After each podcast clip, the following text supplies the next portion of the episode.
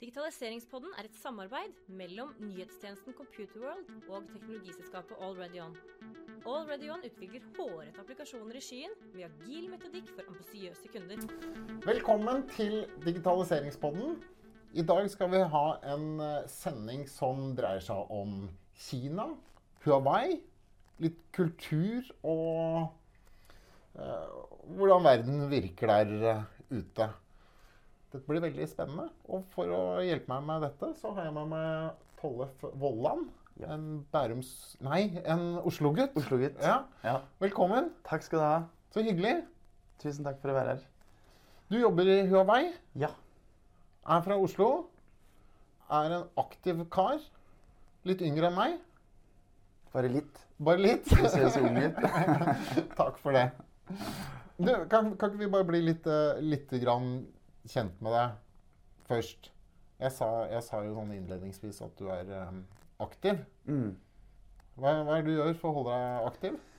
Så når man, eh, når man eh, jobber aktivt, så mener jeg at det er viktig å være aktiv også med kroppen. Ja. Det forstår jeg at du, du, du også er. Ja.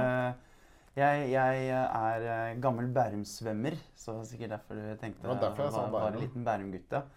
Ehm, så jeg gikk i Bærum-svømmerne. Det gjør jeg ikke nå lenger. Jeg sluttet når jeg var, når jeg var 18. Mm. Uh, men nå jeg må konkurrere, så jeg eh, er med i triatlon og sånne OCR-hinderløp. Ja. Uh, Tøffest, Tøff Viking, eh, bootcamp Hønefoss, egentlig alt det jeg kan Men da har vi helt sikkert løpt i noen av de samme Ja. løpene. Vi har nok det. Ja. Så vi har nok konkurrert litt. Ja. Jeg kommer som, som regel litt under midten Ja. av, av lista. Ja. Jeg vet ikke åssen det er med deg. Jeg eh, pleier å komme kanskje litt over midten. Litt Ja. over. jeg var med på en sånn der oppoverløp i Hemsedal. Oh, Der kom jeg på førsteplass. Gjorde du det? Ja, Oi. jeg var den eneste mannen i den klassen. Men eh, da må vi ta en økt sammen, da. ja, må Det det. er bra Litt motbakkeløp, må, eller? måle litt krefter. Ja. Men du sa OCR, bare sånn veldig Ja. kort. Hva, hva er det? OCR er en, en løpeform med Altså det er Du løper i skog, mark, fjell eller holdt på å si over tjo og hei, og så Mm. er det masse uh, ulike typer militærhindre Ja. Som gjør at du, du må bære store bjelker eller løpe over store betongvegger eller altså ja, alt, alt mulig rart som de finner på. Bildekk og hoppe i vann og henge og hangups og ja. Det ene og det andre. Det er er det, hva er det verste hinderet du vet om? Det verste hinderet jeg vet om eh, Jo, det var faktisk på Det verste hinderet jeg vet om, er Du har vært med i Tøff Viking. Mm. Og det var da i Holmenkollen. Uh, og da, var det en, da er det en sånn sklie nedoverbakke. Ja, som dere smurte inn med såpe? I, i Willybakken, og det er jo livsfarlig. Ja. Så jeg, og da var jeg med i den elitedelen, Mm. så vi starter først. Og det er jo, da, da må du løpe på. Mm. Og da sklidde jeg ned, og da var det mange andre, og vi knuffet litt og sånn. Og da havnet jeg helt til venstre, sånn at jeg havnet jo ut av sklia. Mm. Og falt ned til, på sånn derre steinrøys. Ja, for du skulle lande i noe snø eller noe sånt, egentlig? Nei, det var jo ikke noe landingsplass. Det var Det jo det. livsfarlig. Så jeg sa jo det til funksjonæren. Jeg skrek bak meg og sa at jeg kunne jo dødd. så det var eh, Og da ødela jeg ryggen min det løpet. Så jeg Mm. måtte, jeg måtte gå nei, Det var tre kilometer igjen, for jeg klarte ikke å, klarte ikke å reise meg opp lenger. Mm. Så det var, det var, Men det var er, det sikkert en feil fra Arrangøren. Ja, fordi etter eh, første for Vi startet jo først, så, så kansellerte de det hinderet der. For det var livsfarlig. Men det er det verste hinderet jeg har hatt. Det, det verste hinderet jeg vet om, Mm. det er sånn derre Du skal inn i en sånn boks der det henger masse tråder ned, og så må du gjennom 20 000 volt. Jeg var løp i London. Der hadde Ja. de 20 000 volt. Ja. Yes. Det er så forferdelig ubehagelig. Ja. Du løper det du kan gjennom. Ja. Jeg så en dame som snubla eller satt fast i, i leira der. Ja, ja, ja, Ble grillet flere ganger. Den syns jeg ikke er noe morsom. Jeg husker det var vel på tøffest også. Så var det en gang jeg løp alt jeg eh, hadde rett igjennom. Og Mm. da fikk jeg den sånn skikkelig Støt? her. Og da var det som jeg så for meg at jeg var i en film. For jeg løp, og så falt jeg eh, ned i luften. Fordi at eh, du, du fikk jo nesten sjokk. Mm. Ja, så det er også ganske ille hinder. Hva er det beste hinderet? Beste hinderet er, eh, er vel alt der man kan henge og slenge i sånne ringer eh, for å bruke momentumet Ja, ditt. sånn. Det liker jeg veldig godt. Eller eksplosive hindre. Der du må Som monkey bar. eh, Monkey bar type, ja. Ja. Eller sånn her Jeg ja, husker ikke hva det heter, men der du skal løfte deg opp. Ja, Det er liksom sånn pull-ups-ting. Ja, Ja, ja. ja. jeg er også glad i den. Ja. Men det morsomste jeg vet om, det er en av disse, jeg husker ikke hvilken det var, det er Tøff Viking, ja, der det står et sånn rugbylandslag og Mm. venter på deg. Ja, Ja, og så skal de, de skal stoppe deg når du, når du kommer løpende. Ja. Det syns jeg er moro. det er tøff viking, ja. Ja. Da var det faktisk en som brakk eh, beinet når jeg var med. En av En av de. Nei, en av de som løp. ah, du det? Ja, så det er fordi at de er, de er ganske harde. Så ja. Og de er malt sånn svarte i fjeset og sånn, og så står de og, og håner før start. ja. Men jeg er jo ganske tung, så for meg så er det Jeg bare, jeg bare finner en, og så løper jeg mot den. Så, så vet jeg at jeg går gjennom som regel. Men jeg, Jeg tror det er ganske viktig, eller i hvert fall mange som, som jobber, da. Du Mm. har en litt sånn vanlig jobb, så søker man kanskje etter litt spenning. ja, Hverdagen. Det er i hvert fall veldig viktig for meg. Det er, Jeg lever og ånder for det, egentlig. det er viktig å holde seg i form, så man kan eh, kjøre snowboard når man er eh, 80 Absolutt. eller 90. Enig. Vi får komme oss over til litt fag, men det var eh, refreshing å snakke om litt trening. Ja. Eh, du, eh, du har jo studert i Kina i Ja. fire år. Mm. Jeg skal ikke prøve meg engang på å uttale navnet på universitetet, men det er like i nærheten av Shanghai. Yes. Kan du si hva det heter? Hangzhou Dianzi Kechidashue heter Ja. det faktisk. Og det er Hangzhou University of, of, uh, of Science, Mm. basically. Um, så jeg gikk der i fire år. Hangzhou er nabobyen til Shanghai, men det er på en måte den provinsiale hovedstaden i Zhejiang-provinsen. Mm. som er en veldig stor provins. Og en liten fun fact om universitetet mitt er, er det er det samme universitetet hvor Jack Ma, han founderen av Alibaba, han er foreleser da, på Mm. universitetet. Sier du det? Så det er et ganske kult universitet, sånn sett. Har du sett det eh, intervjuet eller debatten mellom eh, Elon Musk og Jack eh, Ma? Nei, det har jeg faktisk ikke sett. Litt sånn, jeg tror de snakker om to forskjellige ting, så det er litt sånn rar Ah, ja, det blir litt sånn rar mix, ja. Ja, ja. du finner det på, på YouTube. Ja. Men hvor mange er det som går på det universitetet? Ting er jo litt stort i ja. Det er rundt Kina.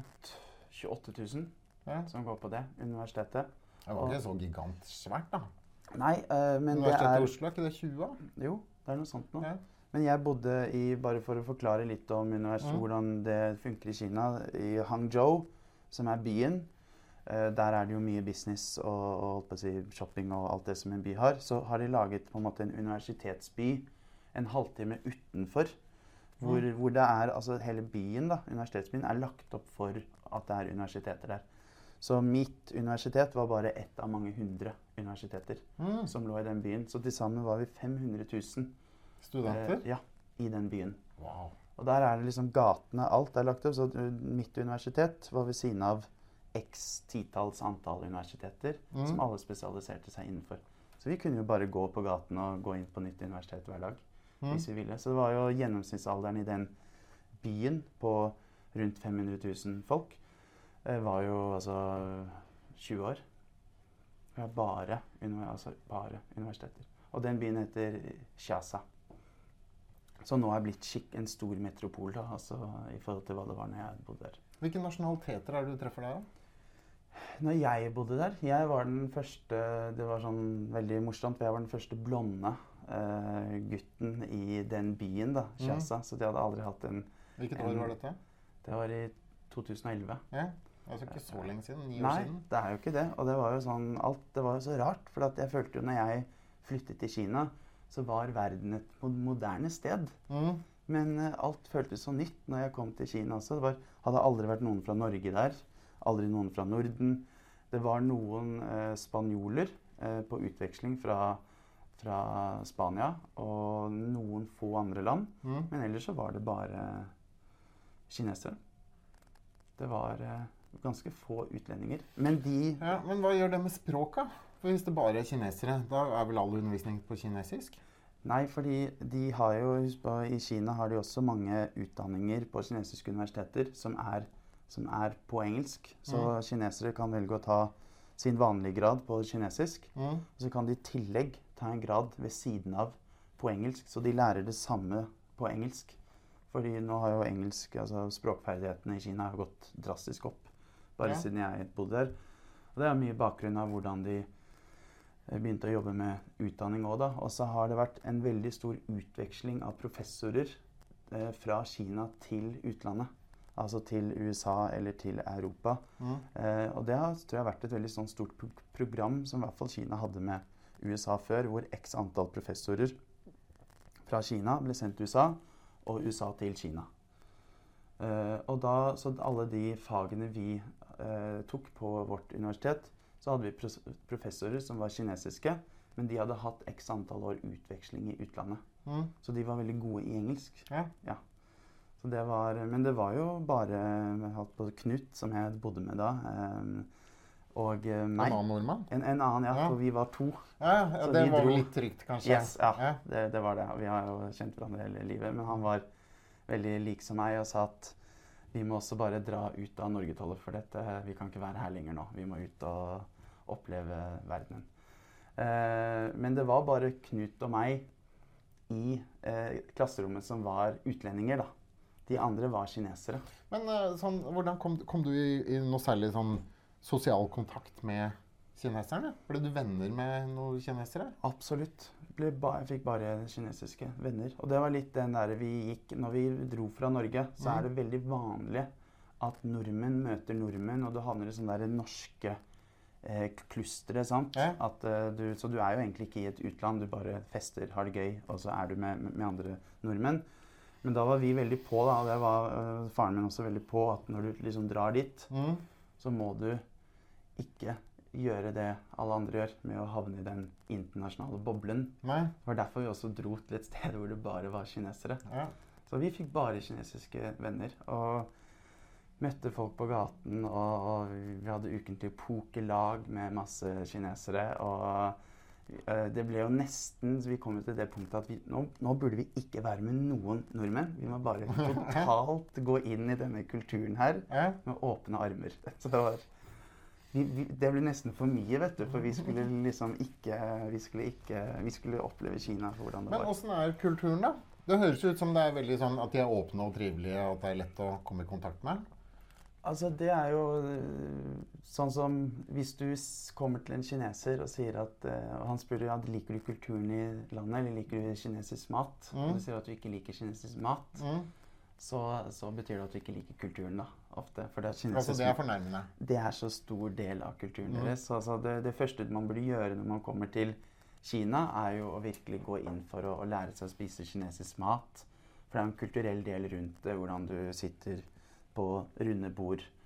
eh, om det er lunsj eller middag, og, og bestiller masse forskjellig mat. eh, prater og tar litt alkohol når du må det. Um, men, men da lærer du mye om kinesisk kultur, og også hvordan kinesere snakker sammen, og hvordan de er. Ja. Så matbordet er ekstremt viktig da, for kinesere. I Mye, mye større grad enn det det er for oss nordmenn, som tar en kald toast eh, til Mm. lunsj og sitter heller og jobber med våre egne ting.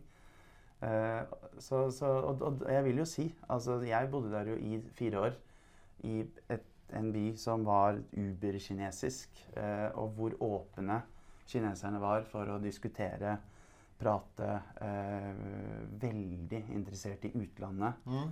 Eh, min erfaring er hvor mye kinesere kunne om den vestlige verden i forhold til hvor lite jeg kunne om Asia Mm. og Kina. Det var jo som et sjokk for meg. Ja, for det, den tenker vi ikke så mye på. Kanskje vi er litt mer arrogante enn det vi eh, enn det vi, vi forstår. Ja. Ja. Fordi vi, vi er jo Vi, vi står jo der og kritiserer alle andre for ikke å Ja. forstå vår kultur. Mens eh, hva har vi gjort selv for å forstå andres kultur? Ja, jeg vil jo si at jeg er jo prakteksemplaret. Jeg Mm. kommer fra Oslo, fra Oslo vest. Eh, altså født, eh, oppvokst her i min egen boble. Eh, leser media, nyheter, og Kina er farlig, og, og det- hele den delen der. Mm. Eh, og da, det var derfor jeg nesten var sånn at jeg, jeg kan ikke lenger liksom stå og kritisere. Jeg må jo reise dit og se selv. Ja. eh, og oppleve det selv. I hvert fall når du er i den unge, unge alderen. Da jeg var 20 år. Ja. For det er da du liksom formes litt, og du får veldig mye tanker og, og den delen der. Eh, ja, og det var på, på en måte det, liksom litt den arrogante holdningen vi hadde da når vi kom til Kina også. Mm. At, og jeg husker jo i klassene med professorene kunne jeg reise meg opp på No, I know this. We have learned this in Norway. And, uh, no, it's not like this. Og så. OK, uh, let's have a discussion. Mm. Eh, så det var, det var veldig morsomt. Du var egentlig. såpass oppesen, ja. Ja, ja, ja. Vi var vi, vi? Nordmenn har rett. Det er sånn vi er. Nei, men det, det høres veldig spennende ut. Så du vil anbefale Ja. ungdom å dra til, til Kina ja for, de, for å studere?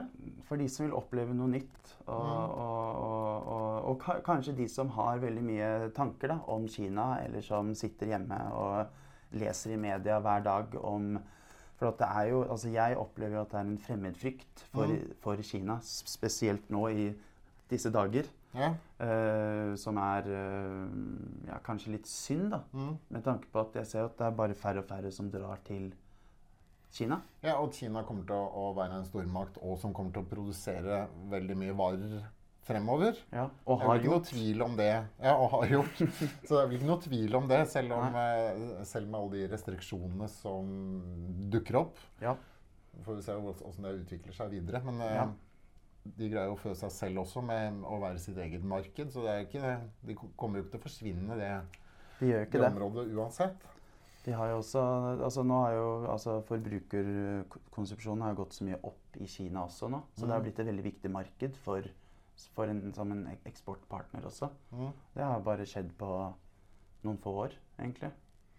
Men vi hadde jo hun eh, Shanghai-Heidi i, uh, i podkasten her for eh, halvt år siden. Mm. Kjenner du henne? Ja, jeg møtte Shanghai-Heidi eh, før hun dro til Kina. Faktisk. Ja, Så tok vi en kaffe. Mm. Fordi hun er jo også, Huawei er et veldig stort selskap. Eh, i, kanskje ganske lite i Norge, men i Kina er det veldig stort. Mm.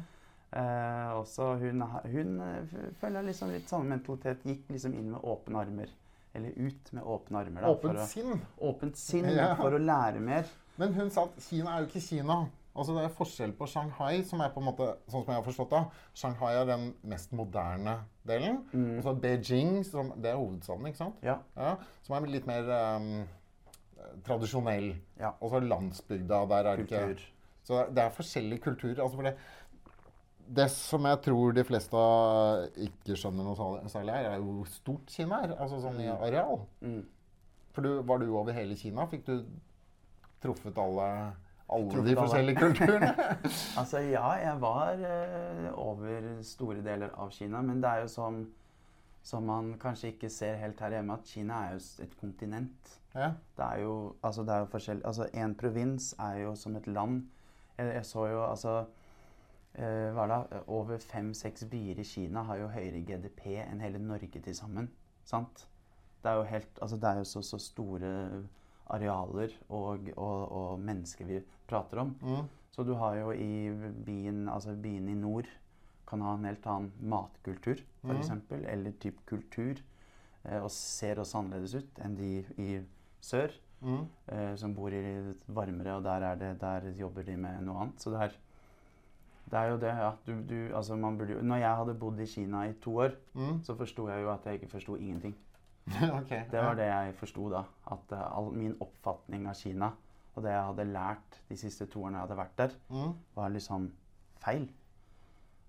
For det tar tid å kjenne et land. Du må bo der i mange år. Sånn som Shanghai-Heidi gjør nå. Mm.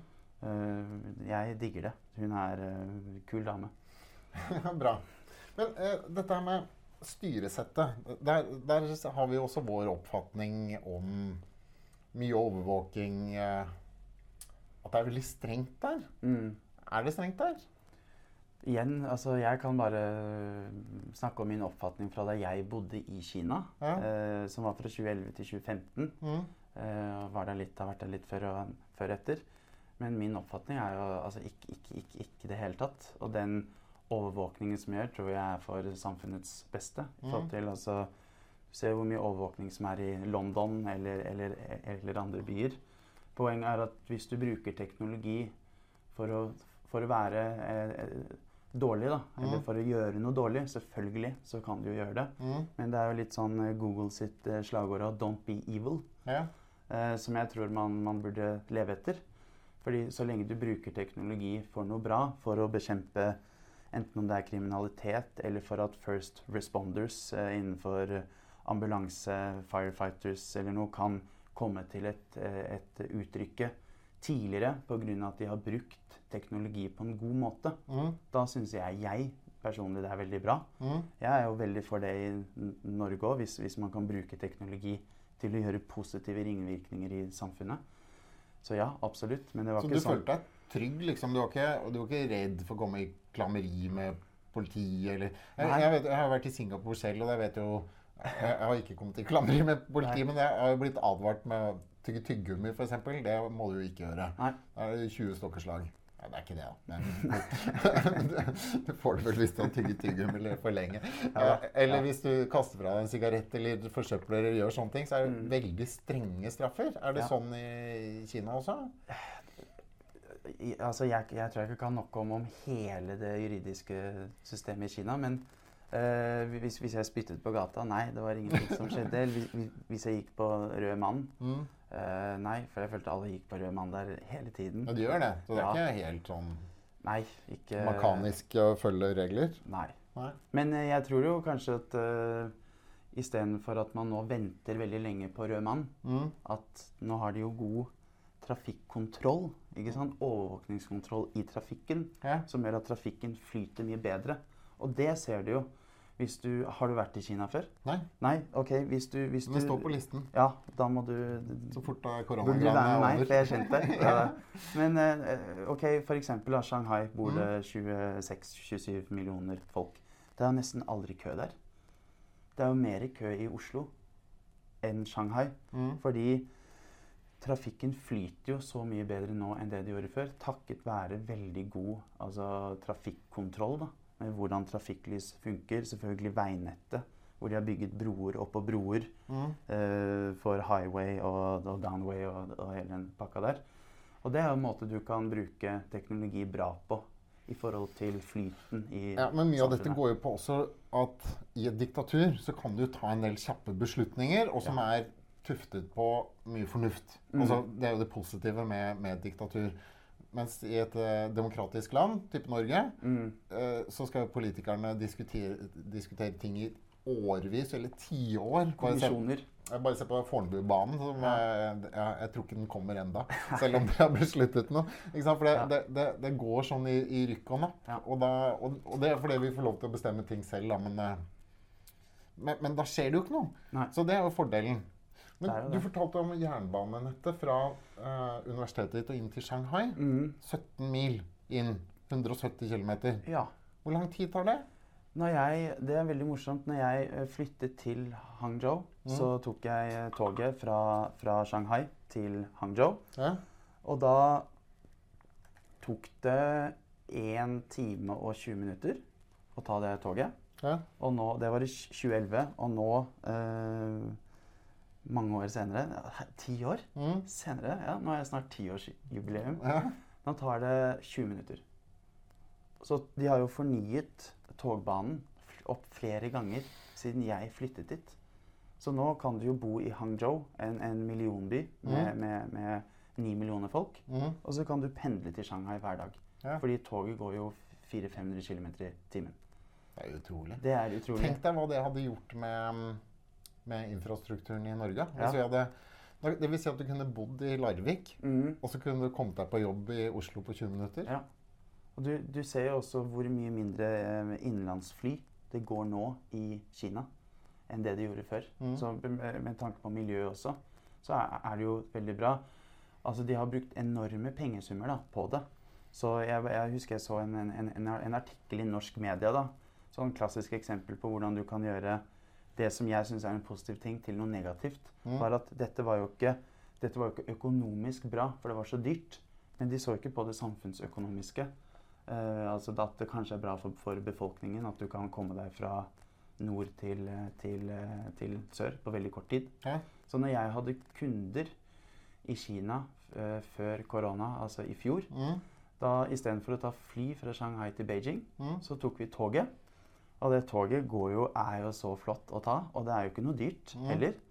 Eh, Det koster 400 kroner Mm. eh, for liksom første klasse. Kjempebra. Og da, og da kunne vi til og med eh, bestille. for de spurte meg hva slags mat vil du ha på toget. Så jeg, hva, eller hva, har de i, hva kan konduktøren tilby? Mm. Og da sa de nei, men hvilken restaurant vil du ha maten fra? Så sa jeg nei, eller hva vil dere ha, gutter? Alle vil ha hamburgere, da. Mhm. Og da sa jeg vi vil ha hamburgere. Når vil dere ha det sånn cirka? Nei, to timer inn i turen. Og da to timer inn i turen så stoppet jo toget på en, en, en, en, McDonald's-restaurant? Ikke på en McDonald's, men i hvert fall på en, på en plass da, Ja. eh, hvor folk kunne gå inn og ut. Og da kom det altså Fodora da, eh, Mhm. i Kina kom inn i toget og leverte det til mitt sete, McDonald's, og gikk ut igjen. Og det var betalt for eh, hele pakka med gjennom WeChat. Så det er jo bare Altså, det er jo Det er logistikk som, eh, Som som, er- imponerer. som imponerer. ja. Og de kundene mine var jo helt sjokkert. Trodde ikke dette var mulig. Så sa jeg nei, det er derfor vi, må, det er derfor vi gjør dette. Men vi må runde av Kina-delen litt. Bare én siste ting om Kina. Du må, du må ha hatt, for det, nå er du, nå er det, høres ut som en åpenbaring når du forteller om Kina. Det må jo være noe negativt med Kina? Ja, altså Noe du kunne ha tenkt annerledes?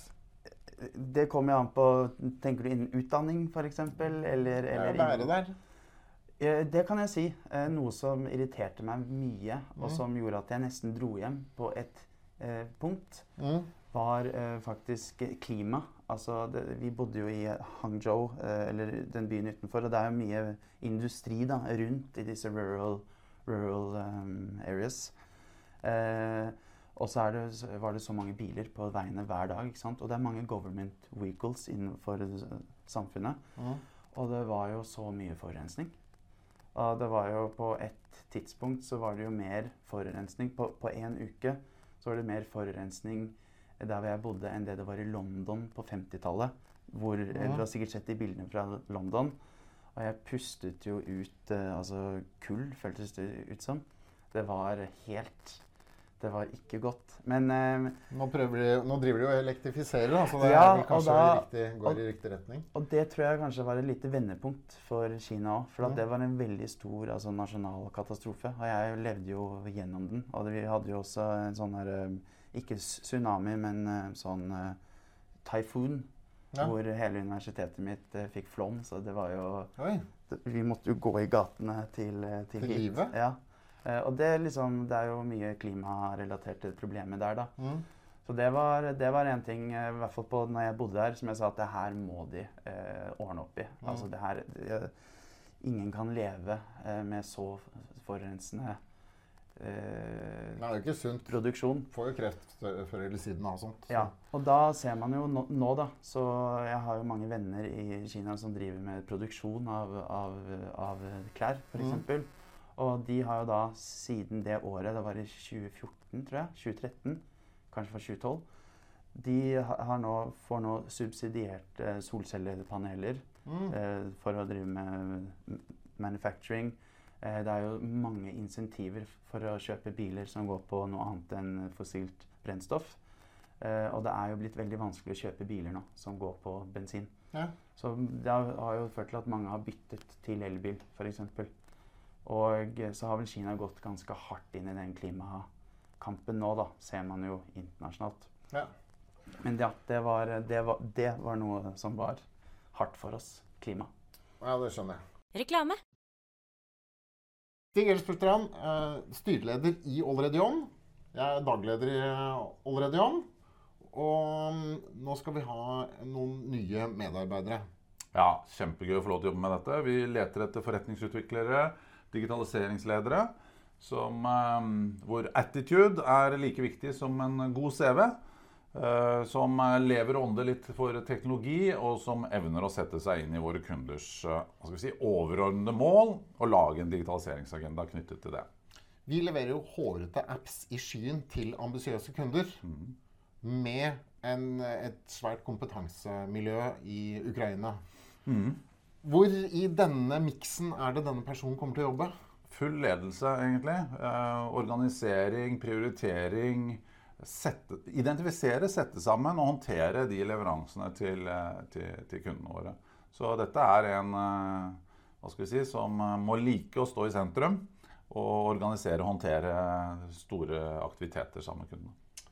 Om dette høres spennende ut, så finner du annonsen på allreadyon.com, eller på HR-huset, eller på finn.no. Jeg har også lagt ut en del mediegreier på Facebook og andre sosiale medier. Søk! Reklame. Vi uh, beveger oss da litt over til Huawei, Ja. der du jobber eh, i dag. Ja. Eh, hva er det du gjør for noe hos Huawei i dag? I dag er jeg eh, leder for forretningsutvikling, som det så fint heter, for eh, det vi kaller Consumer Business Unit Mm. i Huawei. For det er jo, Huawei er jo, det jobber jo nesten 200 000 per mennesker der. Så det er jo eh, Worldwide. worldwide. Så når du er liksom leder for forretningsutvikling, så er ikke det for hele konsernet. Nei, det er i Eh, men Norge. Det er i Norge, og så er det for altså, forbrukerproduktene våre. Egentlig det du og jeg ser i butikker og kjøper. Eh, fordi eh, vi bygger opp vårt eget økosystem. Og med økosystem så menes det jo eh, med altså, smarttelefoner, eh, smartklokker, eh, PC-er, TV-er og egentlig alle de produktene som, som hører til ved siden av smarttelefonen Mm. til eh, typ industripartnere, eh, smart hjem, smart liv eh, og IOT-produkter, da, Mm. som, som, som er på en måte den siste delen. Så vi jobber nå med å, å få inn partnere og, og utvikle vårt eget, eh, egentlig eget økosystem som funker veldig bra med telefonene våre. Ja. Ja, men så det, Huawei, sånn som jeg har forstått det, det, det leverer Det er hardware det går i, ikke sant? Ja. ja.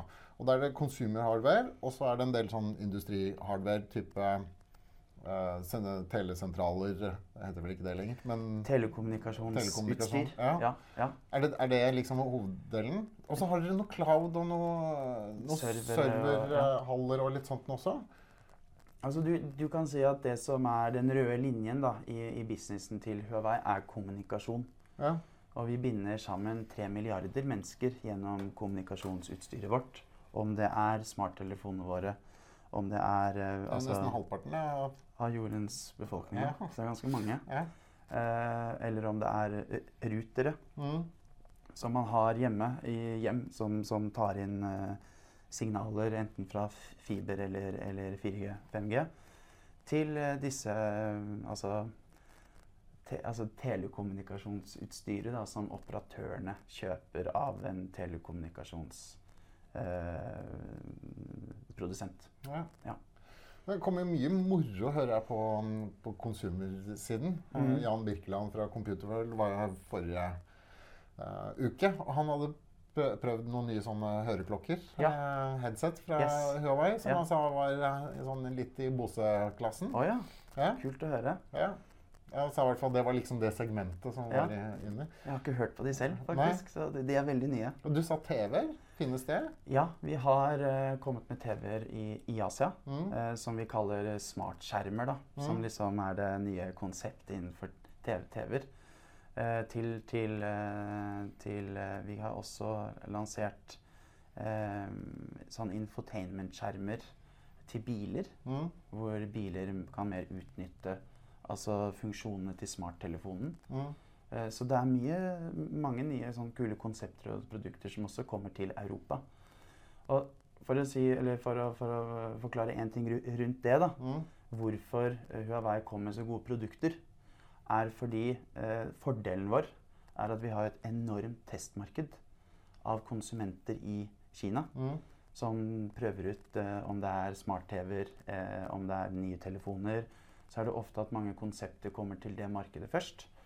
Eh, og så prøver man og feiler man, og så, og så finjusterer man og perfeksjonerer produktet. Mm. Og så lanserer man det mot det vestlige markedet. Ja. Og det er derfor, eh, hvis man skal, For det er veldig mange som sier at vi har veldig gode produkter. Og det er liksom en av grunnene bak. da.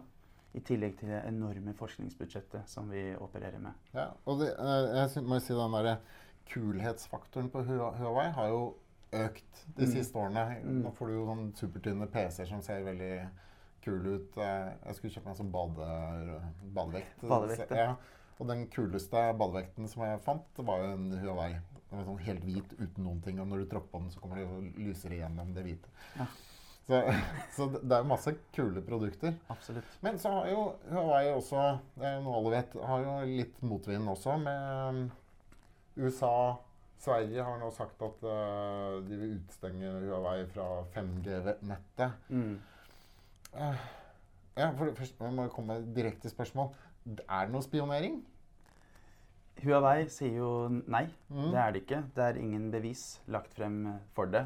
Uh, vi har sagt at man må ikke stole på noen. Man må teste det. Man må verifisere det. Mm. Uh, man må jobbe med eh, altså, uh, globale partnere og, og globale prosjekter.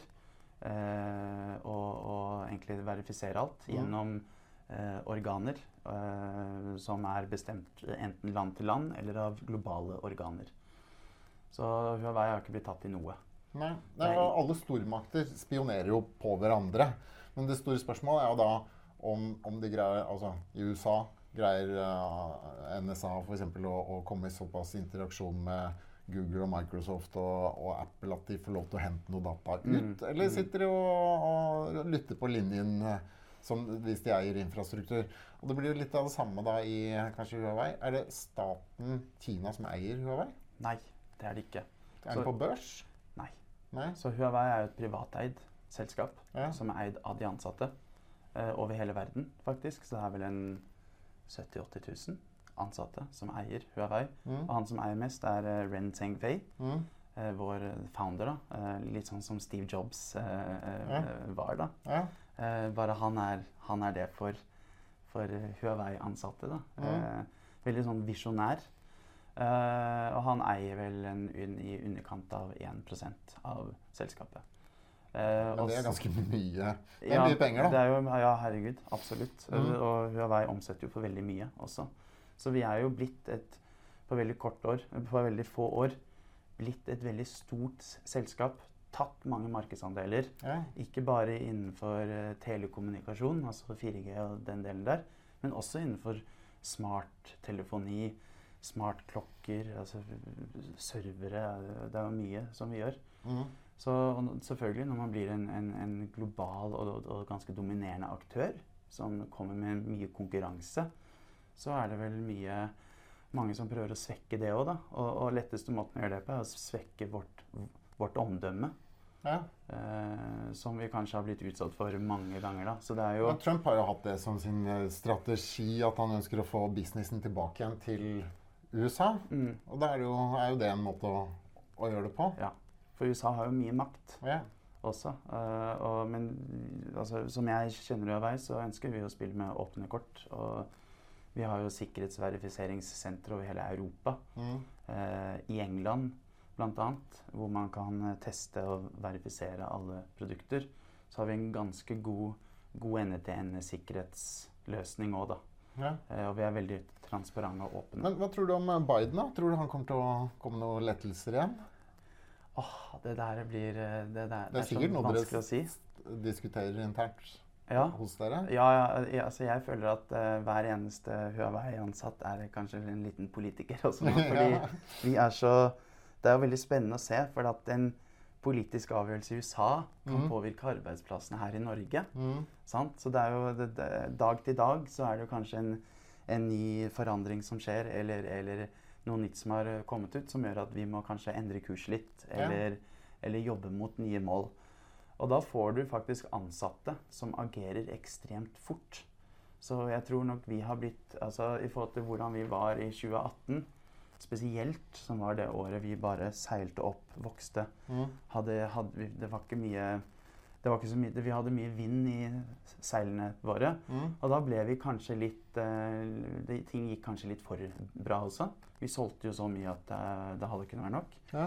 Eh, så nå har de ansatte fått skjerpet seg litt, da. Vi er liksom Nå er vi Med litt motstand, ja. Ja, så i hardt vær så blir jo kapteinen bedre. Så, så jeg føler at vi lokale og, ansatte i Huawei har kanskje blitt enda mer dedikerte. Men en, en, eh, en endring som, som eh, dere opplever nå, det er jo eh, at dere er blitt utestengt av Google Play Mm. Og AppStore har du selvfølgelig aldri vært i, for det er jo bare Apple. Nei, ja. Men, men Googles Play har jo vært en viktig sånn uh, plattform. Uh, og så leverer dere frem, Men dere leverer fremdeles telefoner med Android. Yes. Ja. Stemmer. Men du får ikke lov til å bruke Google-tjenestene. Nei. Uh, hva, hva, hvordan løser dere det? Dette er jo interessant, for dette er en direkte konsekvens av entity-listen i USA og av kanskje politikken som, som er, er blitt ført der, som fører til at mange tjenestetilbydere eh, eller produsenter i USA ikke får levere på en måte tjenester til eh, Huawei som de har gjort før. Ja. Så, så det er jo ikke Google Og samtidig så mister du jo halve det kinesiske markedet. Ja, det gjør de. Som er Og, 1,5 milliard mennesker. Og vi står jo for en ganske stor andel av Google sitt tjenestelag også, i og med at vi selger jo mange Google-telefoner, da, i, Ja. eller som bruker Google sitt, eh, sitt tjenestelag. Ja. Eh, så dette er jo ikke Google sitt valg, det er jo mer et politisk valg. Ja. Eh, for det er veldig mange som tror at det er Google som har blokkert oss, Nei. og det er det jo ikke, fordi de har jo ingen grunn til å gjøre det. nei, nei, de har blitt pålagt det av USA. amerikanske stat. Ja. Eh, Så, så det, det som har skjedd, er at alle nye telefoner som er produsert og utviklet og laget etter denne entity-listen tredje kraft, faktisk 17. mai 2019. Mm. Når jeg fikk eh, da ringte en kollega av meg, da satt jeg på 17. mai-frokost. og så sa han 'We are blocked'. jeg skjønte jo ingenting.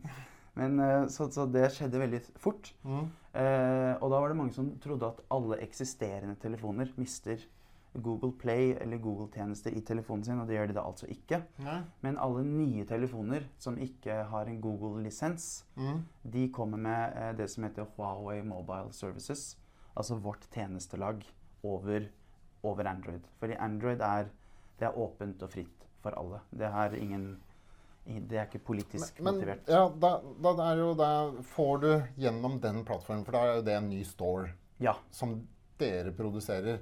Får vi, får vi alle de appene som du vil, inn i den storen?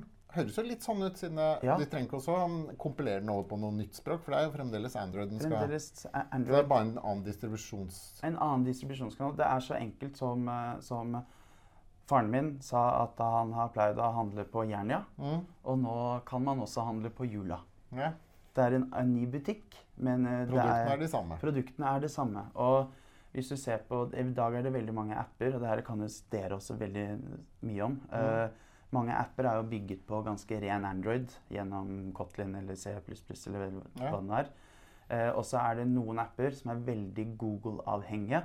Det betyr at de har jo kjøpt eller bruker mange av tjenestene til Google, typ Google Maps Mm. eller, eller Google Account eller en del andre Google-tjenester som ligger over.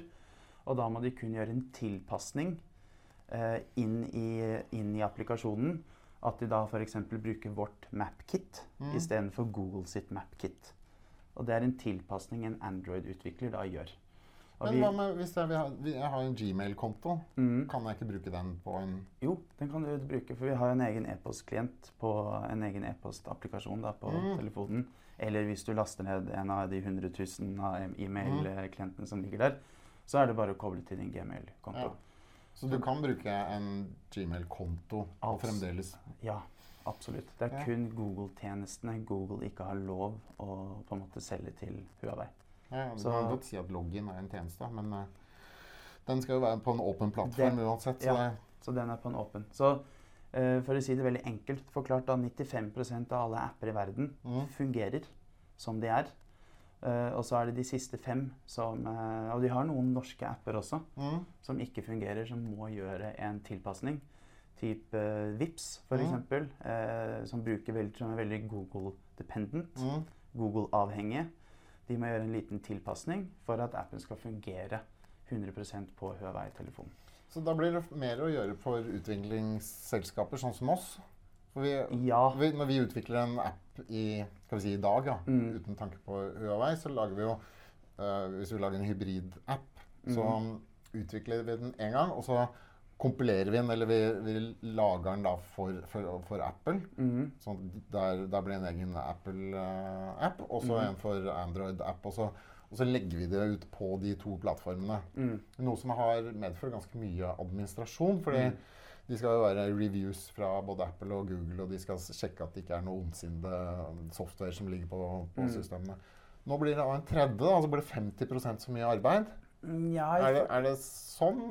Vi har jo autom automatiske oppdateringsprosesser som du kan koble til, Mm. eh, til eh, det du har, allerede har ja. eh, nå i dag. Eh, annet Fastlane, f.eks.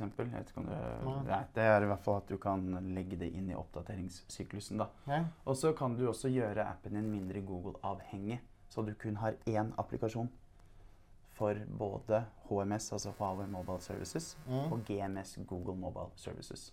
Så de som har gjort det, da, vi har mange norske partnere som har gjort det allerede, Mm. eh, og, og mange globale apper selvfølgelig, eh, som har gjort det. Og det er ikke noe, det, det er ikke så mye mer jobb. Og så skal vi også kunne tilby, gi, gi dere mer, da, med Ja. at vi kan Vi er jo mye mer på det å promotere lokale applikasjoner, tjenester. Vi hjelper jo nå til å ta mange norske tjenester ut i verden, Mm. der hvor vi har høy markedsandel. Eh, vi hjelper jo noen til å, å, til å accesse det kinesiske markedet, f.eks. Så vi blir jo en, en appstore for hele verden, som på en måte kanskje binder mer Vesten og Østen sammen. da. ja. Og så er det, en åpen, altså det er et åpent økosystem som kan også brukes på din Samsung-telefon. hvis du vil. Så du kan laste ned vårt tjenestelag til hvilken som helst ja. telefon. Så det er åpent, og det er gratis. Og det koster ikke, men det ikke noe penger. Ja. ja. Så det er, det er Jeg tror Men vi prøver å gå det som er litt spennende også nå, Ja. det er jo den der kampen om skal vi si, distribusjonspengene. Eh, Ja. Fordi både Apple og, og Google skal ha 20-30 av um, omsetning som gjøres på apper som er distribuert gjennom deres uh, distribusjon. mm. Eh, tar dere også en cut? Det må dere vel nesten gjøre for å holde Ja, men vi tar 15% Så Ja, vi så tar tar mye mindre. mindre. Og i mange caser også så tar vi helt ned til null. Mm. Så vi Altså du, du, Du konkurrerer litt. Det kommer jo til å påvirke Apple og Google òg. Da må jo de kutte litt på Men det er For da, da får du Du sa at det er jo duolopol Ja. nå. Men da, nå begynner vi å bryte opp den der Nå blir det mer konkurranse, og Mm. med mer konkurranse så kommer bedre tjenester, bedre produkter. Du, du ser jo eh, Vi lanserte i 2015, da. Det var, det var da jeg begynte i Huawei. mm, I 2016 så lanserte vi en telefon som het P9. Huawei P9. mm, Og det var den første telefonen med to kameraer på, på seg. Da fikk vi høre at det er en gimmick. Ingen, ingen telefoner kommer noen gang til å ha to kameraer. Og nå er det fire. Og nå er det fire. Nå er det fem, seks, syv, åtte kam kameraer. Så poenget er at når flere innovasjonsdrevne aktører kommer inn på markedet, Mm, så får du eh, mer konkurranse, og det skal jo gagne forbrukerne. Så kanskje det nå blir billigere for utviklere å bruke seg av verktøysettet til de andre, til de andre aktørene, mm. ettersom det er gratis hos Hu- Huawei. Ja, men det, det som jeg tror Hvis vi skal oppsummere den plattformen for de forskjellige brukergruppene, så tror jeg det, eh, det kan bli bedre for sluttbrukerne. Mm. Så tror jeg det blir, det blir bedre for selskaper som oss, for vi kommer til å få mer å gjøre fordi du skal ut på flere plattformer. Det Mhm. er administrasjonen som vi er nødt til å ta penger for. Mm. Så vil det være, koste mer for de som skal ha utviklet applikasjonene. Det vil jo Mm. bli noe mer, for det må testes på, på hver distribusjonskanal, antagelig. Mm. Også for sluttbrukerne så blir det litt sånn hipp som happ. Eller Ja. kanskje det er noen som ikke kommer ut på alle plattformer, da. Det kan være. Og så skal dette være en, en så eh, sømløs transformasjon for forbrukerne at vi håper at de ikke skal merke det i det hele tatt. Ja. Så vi jobber jo Men du får Facebook og Instagram og Snapchat og alle de der du. Ja, det gjør du. mest brukte appene. De får du Det gjør du. Fordi det er bygget på, he, altså på, på, på Android. Android. Android. Ja. Så det er helt åpent. Spotify også er jo bygget til Heldigvis på en måte uten, utenfor altså det store tjenestelaget til Google. Ja. Så forbrukerne eh, Det har ikke så stor effekt på forbrukerne. Jeg har jo brukt nå en telefon uten Google-tjenester i over et år nå. Mm. Uh, altså jeg for, for, for meg er det som at det er Merker ikke noe forskjell? Nei. Ja, men En ting som jeg kanskje vil Som jeg tenker på som et problem, da, det var med Google Maps. For den brukes jo veldig mye Ja. hele tiden. Bruker den hvis, når du skal rundt med bilen. Du, og, ja. Mm. Har Huawei laget sitt eget kartsystem? Ja, det har vi. Og vi jobber med Det er også litt morsomt. Kan den være i nærheten av så god som det, det er Apple har vel også prøvd? work in progress. Mm. Det er det. Men uh, det her er egentlig det som er litt morsomt med Huawei. da. Eller Huawei, som vi, som vi også sier. det er jeg som sier det feil, jeg vet ja, men jeg, jeg sier også den norske Ja. Eh, delen. Men eh, det er at eh, nå har jo altså veldig mye av, av de tjenestene vi bruker i Norge, er jo fra USA. Mm. Huawei har inngått veldig mange europeiske partnerskap. Mm. Så vi bruker og bygger opp europeiske tjenester. For vi er veldig altså, europeiske rettet. Mm. Så med karttjenesten vår så jobber vi med TomTom Ja. blant annet. Og, og har, og har inngått partnerskap med dem. Og vi lanserte nylig en kartapplikasjon som heter Petal Maps. Som er en, en del av Huawei som eh, handler om det om, å bygge opp våre, vårt eget tjenestelag. Eh, også søkemotor som Mm. heter Petal Search. Som er nå i alle telefonene våre, der du kan finne apper og Ja. nyheter og hele pakka. Eh, men den, er, den ser ganske bra ut nå. Og den vil jo da også, eh, for å forklare litt hvorfor vi også gjør det her For det er ikke bare at vi skal pushe apper inn i økosystemet vårt. Men det er nå går vi inn i en verden fylt av 5G, IOT. Du som forbruker forventer at den eh, applikasjonen du har på telefonen din, skal også fungere sømløst på produktene som er rundt deg. Så når du da eh, bruker kartapp kartapplikasjonen på telefonen og går ut i bilen din, setter deg i den, så skal den automatisk opp og funke på infotainment-skjermen i bilen din. Og det jobber vi mye med. At når du har utviklet en applikasjon for Huawei, så skal den også fungere sømløst på tvers av økosystemet vårt og partnerne som vi jobber med. Og dette er jo fremtidens økosystem. Jeg skjønner det. Ja.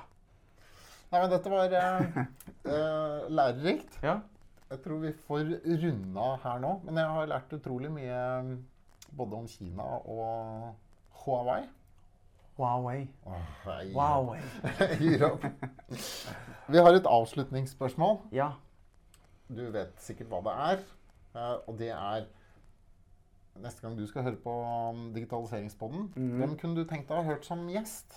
Den jeg kunne tenkt meg hørt som gjest da, er et, eh, først og fremst et selskap som er i enorm vekst. Eh, veldig kult selskap som jeg tror har en, spilt en avgjørende rolle innenfor utdanning Mm. for veldig mange, ikke bare skoler i Norge, men over hele verden. Og en veldig god og stor partner av Huawei, Mm. som vi skal lansere nå i mange markeder. Og det er Kahoot. Ja, ja. Kjempekule folk. ja, de har jeg hatt lyst til å snakke med. Ja, Altså. og der er det i hvert fall en jeg syns veldig mye om. Alexander Remen, Mm. eh, som er produktsjef i Kahoot. Ja. Jobber med cutting edged eh, utdanningsteknologi. De har lansert Kahoot pluss, Mm. eh, hvor de tar inn alle disse utdanningsappene under Kahoot-navnet nå. Mm. Eh, og jeg, jeg, jeg ser veldig stort potensial Ja, det høres bra ut. Men Alexander, hvis du hører på eh, må- Vi må passe på at han får hørt denne Ja, podkasten. jeg skal sende den til ham. ja. Så send meg en mail på post at allreadyon.com. Um, så skal jeg få booket deg. Så, um, så får vi en, uh, en podkast med Kahoot uh, Ja. i løpet av begynnelsen av neste år, Ja. håper jeg. Det håper jeg òg. Ja, ja, jeg vil gjerne gjerne høre det. ja. Da må jeg takke for uh, oppmøtet her. Torleif Vollan, Tusen takk takk. for det. Ha det bra. Ha det bra. Takk til alle nerder, savvies og futurister som gir digitaliseringspodden mening. Dag og Jens Kristian blir kjempeglad om du abonnerer og gir oss en strålende anmeldelse. Vil du lære mer om digitalisering, kan du laste ned digitaliseringsguiden fra allreadyon.com slash digitalisering. Til vi høres igjen, ha en fantastisk uke.